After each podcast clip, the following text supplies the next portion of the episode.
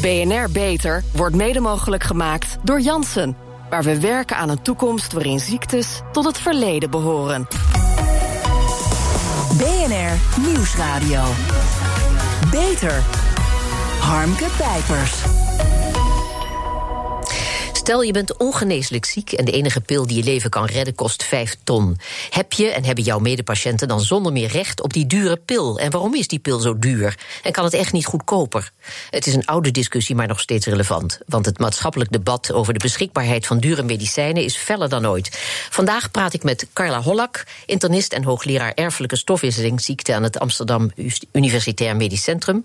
En met Bart van Zij Langhout, campushoofd van Janssen in Nederland, onderdeel van Johnson Johnson. Ja, voor de duidelijkheid, meneer Van Zij Langhout. U werkt bij uh, Johnson, het bedrijf dat dit programma sponsort.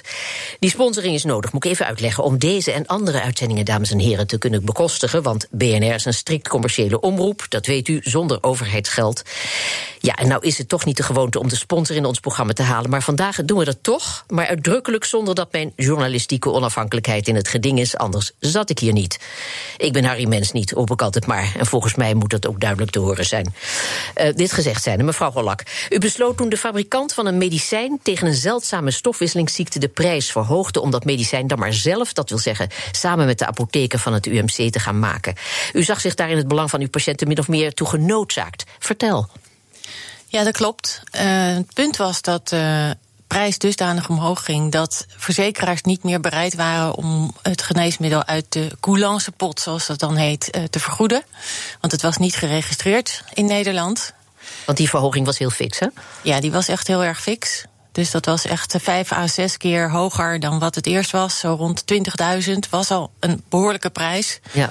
Maar dat ging naar ongeveer 160.000. Ja. En, en de fabrikant die zag door een maas in de wet, begreep ik, de kans om het middel alsnog anders te registreren. Nou, waar, waar het om gaat is een oud middel wordt eigenlijk voorzien van een nieuw jasje. En dan Ja, ja. wordt er ook een nieuwe prijs aan gegeven. Dus hier hebben we eigenlijk helemaal niet te maken met een nieuw geneesmiddel wat is ontdekt. Maar een oud geneesmiddel wat op deze manier dan een weesgeneesmiddel wordt gemaakt. En dan heeft het tien jaar marktexclusiviteit. Ja. Dus dat heeft die fabrikant heel slim aangepakt. Ja, meneer Van Zij Langhout, ik neem aan dat u van dit verhaal ook niet vrolijk wordt, hè? Eh, nee, ik word zeker ook niet vrolijk van dit verhaal. Ik denk ook belangrijk aan te geven dat Janssen was zeker ook niet uh, dat bedrijf. Wij zijn als bedrijf daadwerkelijk bezig met het ontwikkelen van innovatieve geneesmiddelen, met Ja. name voor ziektes waar op dit moment nog geen behandeling beschikbaar is. Dus, dus Johnson maakt echt geen gebruik van zo'n opening in de wet. Wij maken gebruik van de weesgeneesmiddelenregeling daar waar dat nodig is. Mhm. Maar dan werkelijk ook om nieuwe geneesmiddelen te ontwikkelen. Ja. Op gebieden waar dat nu nog niet bestaat. Ja, en, en niet zo'n nieuw jasje en dan gebruik maken van uh, enzovoort. Absoluut niet. Ja. Um, in het geval van een zeldzame erfelijke stoornis, zoals bij de patiënten van mevrouw Hollak, botsen de belangen van een uh, commercieel bedrijf en van niet te vergeten de aandeelhouders van dat bedrijf met het publieke belang van een goede gezondheidszorg. Nou is dit misschien niet een goed voorbeeld, want het is in meer gevallen is dit aan de hand. Is het wat u betreft onwenselijk, maar onvermijdelijk dat dat gebeurt? Wat bedoelt u precies wat wat gebeurt? Nou, dat het, de belangen van een commercieel bedrijf en van, van de aandeelhouders, dat die botsen met het publieke belang van een goede gezondheidszorg. Nee, ik denk absoluut niet dat dat vanzelfsprekend is dat het met elkaar in conflict is. Uiteindelijk zijn wij als bedrijf uh, verantwoordelijk voor het ontwikkelen van nieuwe geneesmiddelen. En op die manier creëren wij denk ik ook heel veel waarde voor patiënten, voor de gezondheidszorg. Maar wij kunnen dat uiteindelijk alleen maar doen wanneer investeerders bereid zijn om dit onderzoek te financieren. Ja. Maar de volgorde is altijd eerst iets creëren wat werkelijk iets betekent voor patiënten en de gezondheidszorg. Maar dat moet vervolgens wel met een zekere winst uh, verkocht kunnen worden. Ja, die zekere winst, daar gaat het natuurlijk om. Nee, het gaat om het verschil maken nee, het voor gaat, die patiënt. Dat begrijp ik, maar die zekere winst, dat, daar, daar is zoveel uh, gedoe over. Uh, dat wekt zoveel emoties. Dus in die zin gaat het daarom. Dat is het last, de lastige kant ervan. Ik denk dat men best bereid is te begrijpen dat winst nodig is. Dat heeft Ja, elk bedrijf daar komen we nodig. zo dadelijk vraag, terug, hoor. De vraag is hoeveel winst en zijn de prijzen die gevraagd wordt, zijn die, ja, zijn die fair en representeren die ook daadwerkelijk wat die geneesmiddelen voor patiënten betekenen? Zeker. Ja, het is een ingewikkelde discussie, uh, discussie om even te schetsen hoe ingewikkeld. De minister heeft het tot voor kort in Londen gevestigde EMA, het Europees Agentschap Medicijnen, in aanloop naar de Brexit naar Amsterdam gehaald. Want uh, dat maakt het uh, voor medicijnontwikkelaars wellicht aantrekkelijker om zich ook in Nederland te vestigen. En tegelijkertijd jaagt de minister de magistrale ontwikkeling van medicijnen aan. Zeg maar het goedkoper maken van dure middelen. Um, ja, meneer Van Zee Langhout, dat is niet goed voor de positie van Nederland, vindt u. Waarom? Om te beginnen Magistrale bereiding is enorm belangrijk. Voor die gevallen waar er naast voor commerciële medicatie bijvoorbeeld een bepaalde dosering ontbreekt. Of dat ja. een patiënt een afleveringsvorm nodig heeft die niet commercieel beschikbaar is. Dan is magistrale bereiding absoluut nodig. Maar magistrale bereiding inzetten als alternatief voor commerciële medicatie, voor ook werkelijk commerciële doeleinden, ja, dat is ongewenst eigenlijk vanuit twee uh, richtingen. Ja. De ene is ja, dat we daarmee, denk ik, toch het intellectueel eigendomsrecht in Nederland uithollen en Nederland minder aantrekkelijk maken om te innoveren. Maar wat wellicht nog belangrijker is, dat daarmee ook een zekere uitholling van patiëntveiligheid plaats kan vinden. Ja. Mevrouw Hollak, hoe ja. hoe staat u hier tegenover? Nou, um, ik ben het deels met u eens. Ik denk niet dat magistrale bereiding nou de oplossing is voor de problematiek van de hoge medicijnprijzen. Ik denk dat ook de casus waar we het nu over hadden, dat dat een echt een uitzonderingsgeval is geweest. En um, dat we uh, eigenlijk genoodzaakt waren om hier op actie eh, te ondernemen. Uiteindelijk zijn we er natuurlijk bij gebaat dat we zorgen dat we naar het systeem kijken om te zien hoe we dan uiteindelijk die prijzen toch beter naar beneden kunnen krijgen. Want u zegt de geneesmiddelenprijzen, dat valt allemaal reuze mee. Nou, ik denk als we kijken naar de intramurale geneesmiddelen, mm -hmm. daar is de afgelopen jaren dat stijgt met 10% per jaar zo'n beetje. En daar is heel veel innovatie bij. En dat juich ik ook van harte toe. Ik ben een enorme voorstander van innovatie innovatie. Maar die innovatie die komt wel met een enorme prijs. En dan zegt u, die prijs die stemmen wij af op wat dat voor een waarde heeft voor de patiënt. En ja, dat vind ik toch eigenlijk heel moeilijk te begrijpen. Want een geneesmiddel wat bijvoorbeeld heel weinig heeft gekost qua ontwikkeling, maar wel een enorme impact heeft op de kwaliteit van leven van een patiënt, vind ik niet dat dat per se een hele hoge prijs zou moeten hebben. Ja, meneer Van Zeelanghout. Ja, ik ben punt 1 heel blij te horen ja, dat we het toch ook met elkaar eens zijn. En dat magistrale mhm. bereiding ja, echt een hele duidelijke uh, plaats moet hebben. Hè, daar waar het aanvult op commerciële medicatie. Als je kijkt naar uitgaven voor geneesmiddelen in Nederland, mhm. dan is dat ongeveer 7% van het zorgbudget. En ik neem nu even wat er in, in ziekenhuizen aan geneesmiddelen wordt uitgegeven. En eigenlijk ook daarbuiten bij de officine apotheek. En eigenlijk is dat percentage al ja, ongeveer 10 jaar ja, zelfs dalende. Van ongeveer mm 8,5% van het zorgbudget tien jaar geleden naar 7% nu.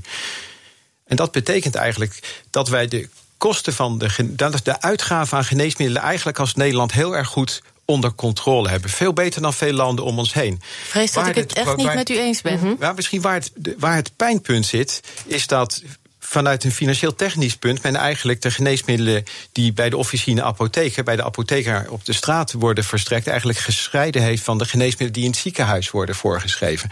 En wat je ziet is dat er inderdaad heel veel innovatie beschikbaar komt in het ziekenhuis, waardoor daar de kosten stijgen. Misschien nog niet eens zozeer de prijzen, maar er is heel veel meer beschikbaar.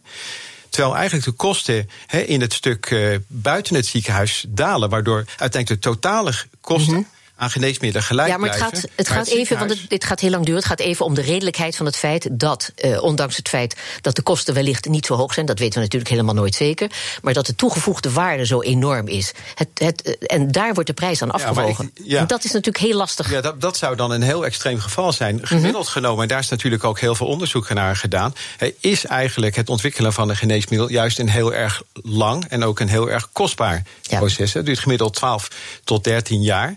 Van de duizend uh, potentiële stoffen die in geneesmiddel zouden kunnen worden, bereikt er uiteindelijk maar één gemiddeld gezien van de duizend uiteindelijk het stadium van een geneesmiddel dat naar patiënten gaat. Dus ja, misschien is er een enkele keer inderdaad ook een geneesmiddel dat een kort en snel traject aflegt, maar dat is eerder de uitzondering. Dat is een, zeker een uitzondering. Maar uh, kijk, om dan te zeggen, uh, de geneesmiddelen die mogen dan de prijs hebben wat het uiteindelijk aan waarde heeft voor de patiënt. Denk maar aan de discussie over de hepatitis C-medicatie. Toen werd ook gezegd. Um, dit heeft zoveel waarde voor de patiënt. Ja. Want het is zo'n goed geneesmiddel. En deze patiënt is dan genezen. Dus die heeft dan zoveel minder zorgkosten. En die kan weer aan Maar het is een ander voorbeeld voor et hetzelfde verhaal. Ik wou even Precies. verder gaan, want Ja. eh, in 2018 stelde de farmaceutische industrie een gedragscode op. die eh, intrinsieke gedragsverandering op het gebied van transparantie en betaalbaarheid moest aanjagen. Maar de bindende afspraken over het prijsbeleid zijn volgens de Vereniging Innovatieve Geneesmiddelen niet mogelijk, omdat de mededingingsautoriteit dat niet toestaat en omdat het bovendien de internationale hoofdkantoren zijn die de prijzen bepalen. Ja, meneer Van Zij Langhout, eh, eh, legt u eens uit, wat hebben we nou helemaal in die richtlijn? Niks toch? Ja, ik neem aan dat u eh, doelt op de Code of Conduct die vorig jaar Mhm. eigenlijk is, is afgesproken tussen de verschillende. Partijen die deel nog zijn van de Vereniging Innovatieve Geneesmiddelen. Ik denk dat die code ontzettend belangrijk is, omdat het aangeeft hoe wij ons als bedrijven gedragen, hè, eh, intern, maar ook naar externe, andere externe partijen toe. Op dit moment zit er in die code nog niet eh, een hoofdstuk bijvoorbeeld over prijsvorming, omdat dat op dit Ja, ja. moment voor de reden die u nog zelf niet, maar aangeeft, nog het- niet kan. Het, u suggereert dat het er wellicht aan zit te komen. Dat zou ik mooi nieuws vinden. Nou, eigenlijk misschien toch in dat opzicht is Jans misschien in bepaalde opzichten misschien een iets meer progressief bedrijf. We hebben eind vorig jaar ook een rapport uitgebracht, Ja. Innovatie voor de Samenleving, waarin we denk ik toch wel inzicht proberen te geven op welke basis wij eigenlijk onze prijzen bepalen. En misschien kan ik toch even op inhaken, ook op basis van wat professor Hollak zei. Er zijn eigenlijk drie factoren waar we naar kijken. De ene is inderdaad, wat betekent dat eh, geneesmiddel voor de patiënt en de gezondheidszorg? Dat heeft u goed geschetst. Ik denk een tweede invalshoek waar we naar kijken is toch ook dat eh, we ervoor moeten zorgen dat dat geneesmiddel ook beschikbaar komt voor alle patiënten die het nodig heeft. Zonder dat we daarmee, zal ik maar zeggen, het gezondheidszorgbudget opblazen. En daar is misschien in tijd met hepatitis C onvoldoende naar die tweede factor gekeken. De derde factor waarnaar we kijken is toch uiteindelijk ook dat met het geld dat we verdienen met de geneesmiddelen die we nu verkopen, dat we daarmee de geneesmiddelen van de toekomst, eigenlijk het onderzoek daarnaar moeten financieren. En en nou- en dus een zekere ja, beloning voor innovatie is ook nodig. Ja, wat ik nou zo interessant daaraan vind is dan, want u kunt dus blijkbaar wel goed berekenen hoeveel u dan weer nodig heeft om te investeren in nieuwe geneesmiddelen, maar u kunt geen openheid geven over wat nou de kosten zijn om die geneesmiddelen te ontwikkelen en daar dan uiteindelijk ook een prijs aan vast te plakken. Ja, ik zou niet zeggen dat we heel goed kunnen s- schatten hoeveel we nodig hebben om geneesmiddelen te ontwikkelen. Ik denk dat we goed kunnen inschatten hoeveel we nodig hebben voor onze bedrijfsvoering van het komende jaar. En die geneesmiddelontwikkeling duurt misschien wel 10, 12 jaar, dus dat is een andere scope. Het probleem met het bepalen van wat kost het nu om een geneesmiddel te ontwikkelen, is dat 12, 13 jaar duurt. Dus ja, dat is een enorme periode waarop je dan gegevens zou moeten hebben. En daarnaast is de ontwikkeling van een geneesmiddel niet één lineair traject. Vaak begin je met wel 50 verschillende, of misschien wel 100, om dan uiteindelijk tot één geneesmiddel te komen. Harmke Pijpers. U luistert naar BNR Beter. We praten over de beschikbaarheid en de prijs van dure medicijnen... met Bart van Zij Langhout van farmaceutisch bedrijf Janssen... en internist Carla Hollak van het UMC Amsterdam... die voor haar ernstig zieke patiënten een medicijn namaakte. Ja, Bart van Zij Langhout. Sinds 2013 onderhandelt de minister voor Medische Zorg... met fabrikanten van nieuwe en zeer dure geneesmiddelen. Die geneesmiddelen gaan tijdelijk eh, in de zogeheten sluis... maar er moet geheim blijven hoeveel kortingen er is bedongen... en wat de uiteindelijke prijs wordt. Waarom? Want dat gaat tegen alle transparantie in, hè? Of zit daar verandering in de lucht? Nee, ik denk dat uh, de situatie die we momenteel hebben, dat het belangrijk is dat we die confidentiële uh, kortingen met de overheid kunnen afspreken. En dat is met name van belang omdat we natuurlijk als Nederland deel uitmaken van de Europese Unie. Uh, en we ervoor moeten zorgen dat uiteindelijk de geneesmiddelen niet alleen in Nederland ter beschikking komen van patiënten, maar ook uh, in landen om ons heen. En met name ook in landen die misschien een minder hoog welvaartsniveau hebben. Ja. En aangezien landen vaak door middel van referentieprijzen naar elkaar refereren, is een zekere mate van confidentialiteit ja. Uh, we hadden het al even over de betaalbaarheid uh, van medicijnen. Ook de Vereniging Innovatieve Geneesmiddelen, de vereniging waarin de farmaceuten vertegenwoordigd zijn, die zegt: er zijn andere manieren om betere betaalbaarheid van medicijnen te realiseren. Het kan dus goedkoper. Ja, welke manieren zijn er? Ik denk dat er andere manieren zouden kunnen zijn om naar uh, geneesmiddelen en geneesmiddelenfinanciering te kijken. Ik denk het eerste waar we mee zouden beginnen, kunnen beginnen, is om echt een hele goede horizonscan te doen. Om echt dus vijf, zes jaar vooruit te kijken. Welke nieuwe geneesmiddelen gaan nu komen? Wat is mogelijk het kostenbeslag wat dat gaat hebben? Mm -hmm. Maar ook wat gaat de gevolg daarvan zijn voor patiënten en wellicht ook voor andere zorgkosten die we zouden kunnen uitsparen.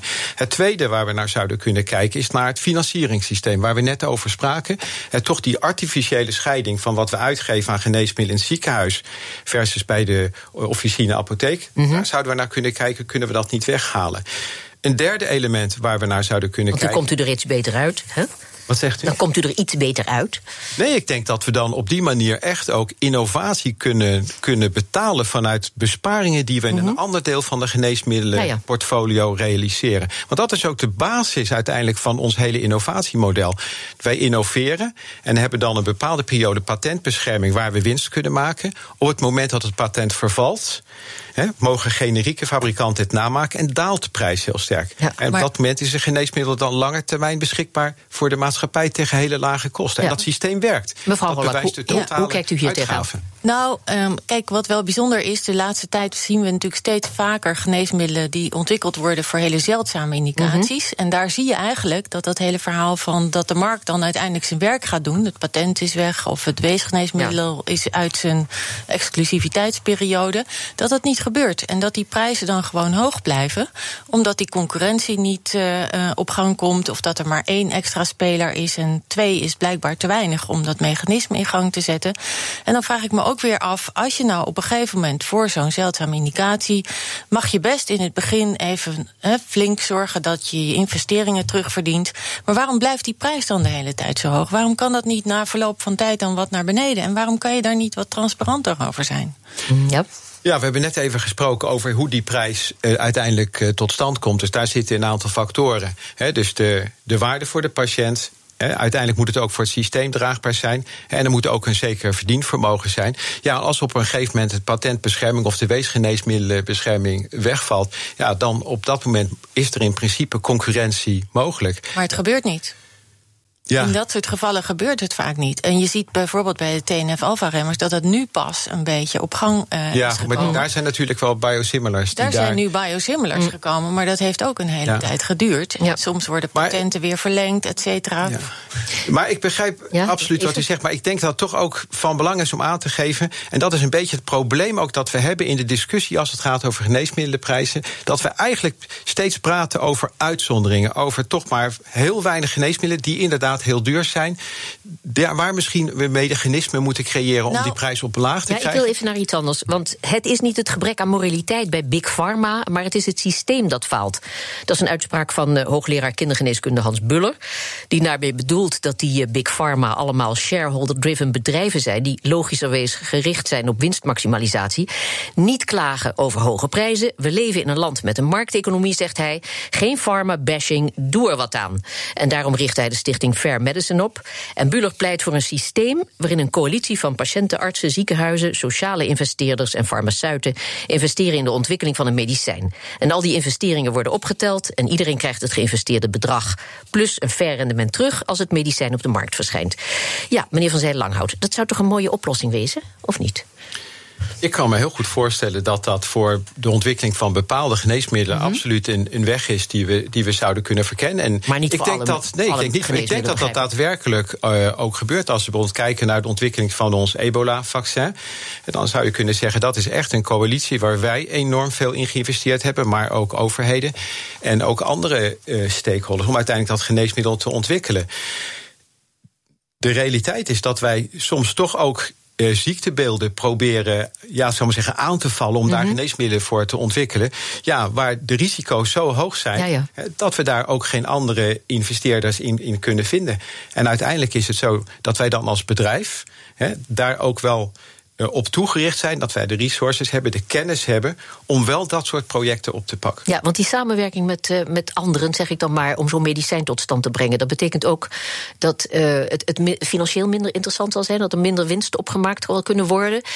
Heeft dat ook te maken met heel bewust beleid om zeg maar als, als, als farma, want je ligt toch onder vuur, om zeg maar maatschappelijk verantwoord bezig te zijn? Ik weet niet of daar minder winst in gemaakt zou worden. Mhm. Ik denk dat uh, het model dat u hier schetst, dat dat nog niet bestaat. En dat we daarom eigenlijk ook niet weten hoe goed dat zou werken. Ik kan alleen zeggen dat het huidige model dat wij hebben voor de ontwikkeling van geneesmiddelen, dat dat uitermate succesvol is. Als je kijkt naar de innovaties die over de laatste tientallen jaren ter beschikking zijn gekomen, die heel veel impact hebben gehad voor patiënten en de gezondheidszorg. Mhm. En ik wijs er toch opnieuw op: al die innovatie is beschikbaar gekomen in Nederland tegen een percentage van uiteindelijk de totale gezondheidsuitgaven dat alleen maar gedaald.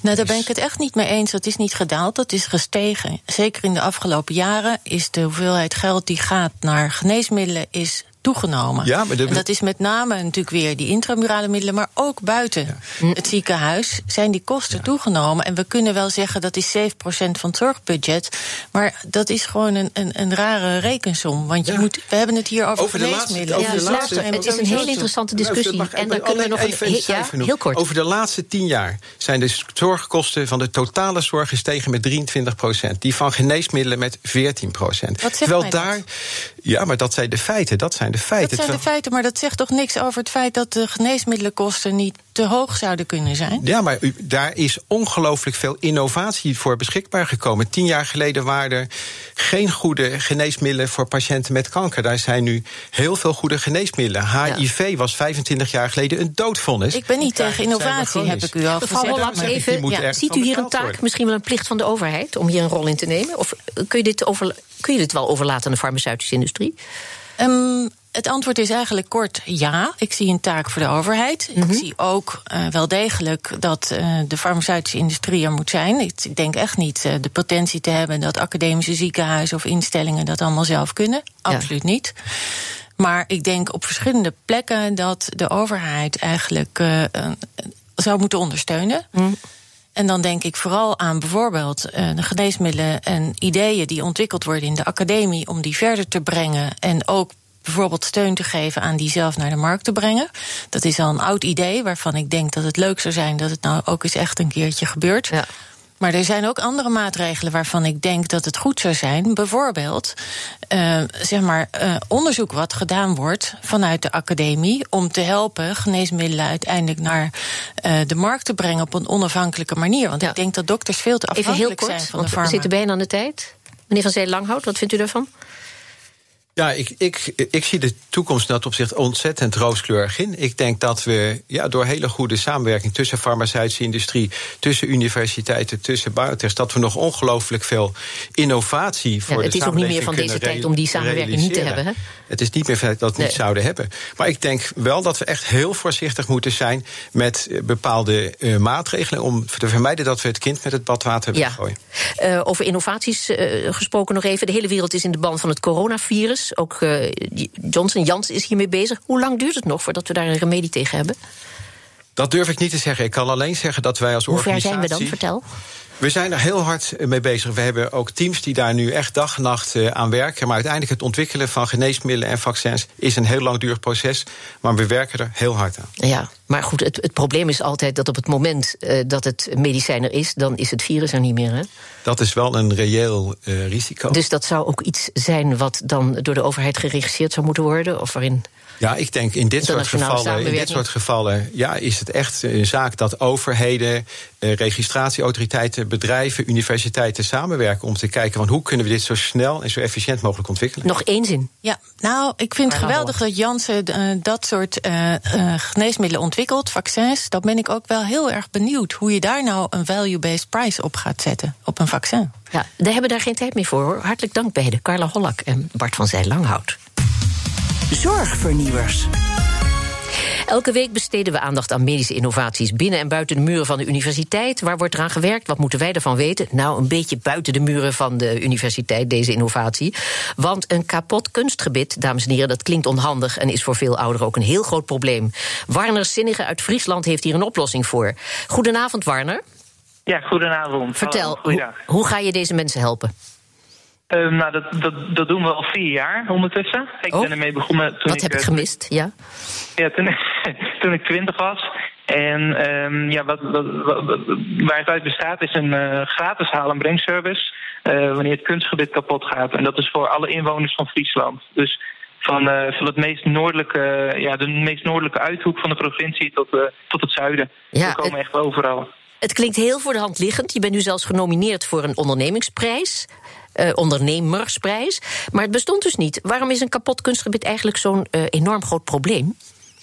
Nou, ik, ik, ik kwam erachter bij mijn eigen oma, um, half jaar geleden. Um, een groot probleem, dat heeft mede te maken met de doelgroep zelf, die, die vaak een kunstgebied hebben. Dat zijn de ouderen en uh, die zijn vaak niet mobiel.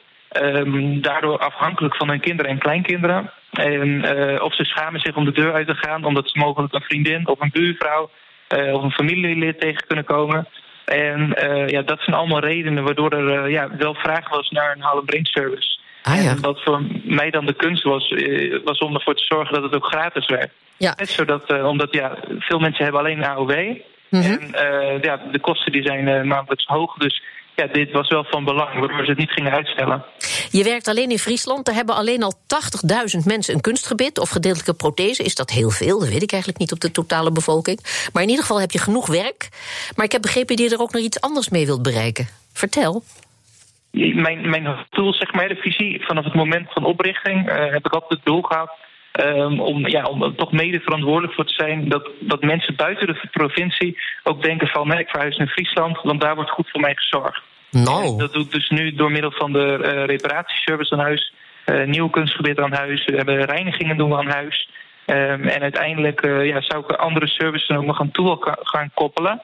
En dat hoeft dan niet alleen met het kunstgebied te zijn, dat kan natuurlijk ook iets met een steunschoen zijn of alles waardoor ouderen zo makkelijk mogelijk in Friesland uh, kunnen leven. Nou, het is wat. Ik vind het uh, fantastisch. Succes met je onderneming en bedankt. Warner Zinnige. En tot zover deze uitzending van BNR Beter. Op bnr.nl slash beter is deze uitzending terug te luisteren of on demand via de BNR. Via de BNR-app, Spotify of iTunes. En wij zijn ook op Twitter te vinden onder BNR Beter. Dus heeft u tips voor ons? Laat het ons weten. Ik ben Harmke Pijpers. Tot een volgend spreekuur. BNR Beter wordt mede mogelijk gemaakt door Janssen. Waar we werken aan een toekomst waarin ziektes tot het verleden behoren.